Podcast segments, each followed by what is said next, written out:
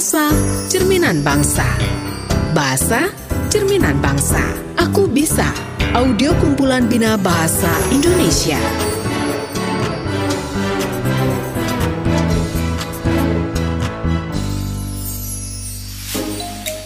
Sahabat pintar, berjumpa kembali dalam program Aku Bisa Sebuah program audio kumpulan Bina Bahasa Indonesia untuk siswa SMP MTS. Kali ini kita akan membahas tentang penulisan kata gabung dengan judul pisah atau gabung.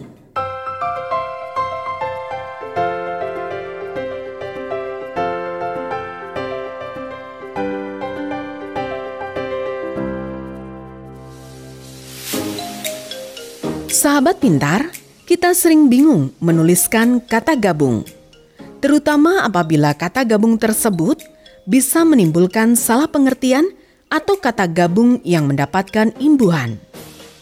Apakah penulisan kata gabung tersebut akan ditulis dipisah atau digabung ya? Nah, sahabat pintar, mari kita simak bersama.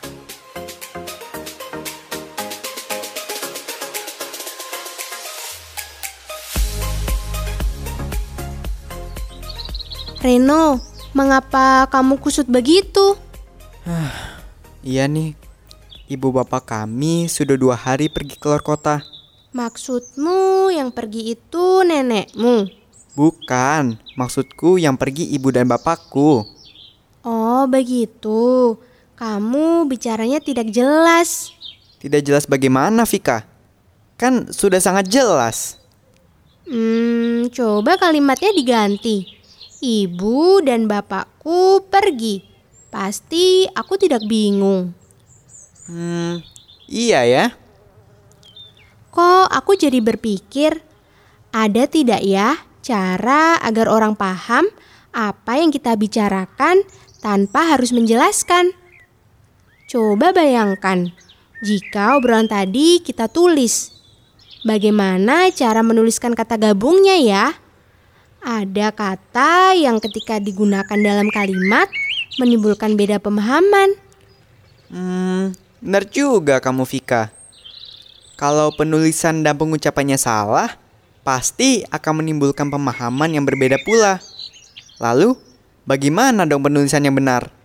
Dipisah atau digabung? Sahabat pintar, ada beberapa tata cara penulisan gabungan kata yang diatur dalam Pedoman Umum Ejaan Bahasa Indonesia. Selain gabungan kata yang biasa disebut sebagai kata majemuk yang ditulis terpisah, ada pula beberapa gabungan kata yang memiliki aturan penulisan berbeda. Aturan pertama, gabungan kata yang menimbulkan salah pengertian ditulis dengan membubuhkan tanda hubung di antara unsur-unsurnya. Contohnya, anak istri pasien itu sedang makan di kantin. Anak istri pasien, tanda hubung terletak di antara kata anak dan istri. Maknanya anak dan istri pasien. Bedakan dengan kalimat anak istri pasien itu sangat santun. Anak istri pasien, tanda hubung terletak di antara kata istri dan pasien. Maknanya anak dari istri pasien. Contoh lainnya seperti pada kata ibu bapak kami sedang pergi. Tanda hubung diletakkan di antara kata ibu dan bapak.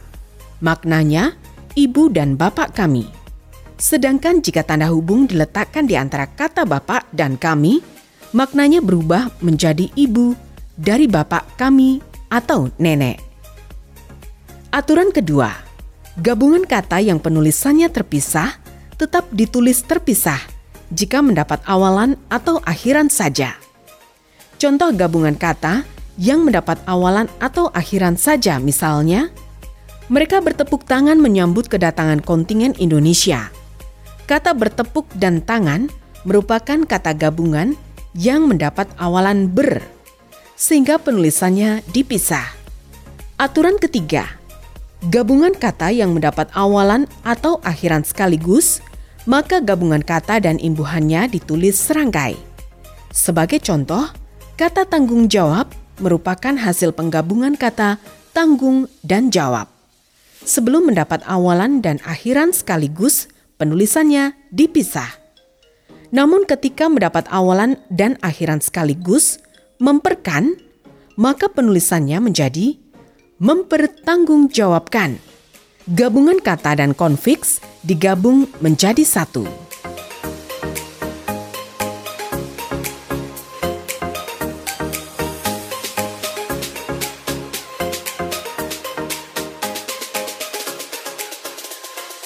Sahabat pintar, dari ulasan tadi kita jadi tahu bahwa aturan penulisan kata gabung berbeda-beda. Ada yang harus diberi tanda hubung untuk menghindari perbedaan makna atau kesalahpahaman, ada yang harus dipisah karena hanya mendapat awalan atau akhiran saja, ada pula penulisan kata gabung yang semua unsurnya harus digabung karena mendapat awalan dan akhiran sekaligus. Semua aturan penulisan harus dipahami agar kita dapat menggunakan kata gabung dengan benar dan tidak terjadi perbedaan pemahaman. Dengan demikian, orang yang kita ajak bicara atau orang yang membaca tulisan kita dapat memahami maksud kita dengan baik. Aku bisa audio kumpulan Bina Bahasa Indonesia. Produksi Balai Pengembangan Media Radio Pendidikan dan Kebudayaan Kementerian Pendidikan, Kebudayaan, Riset, dan Teknologi.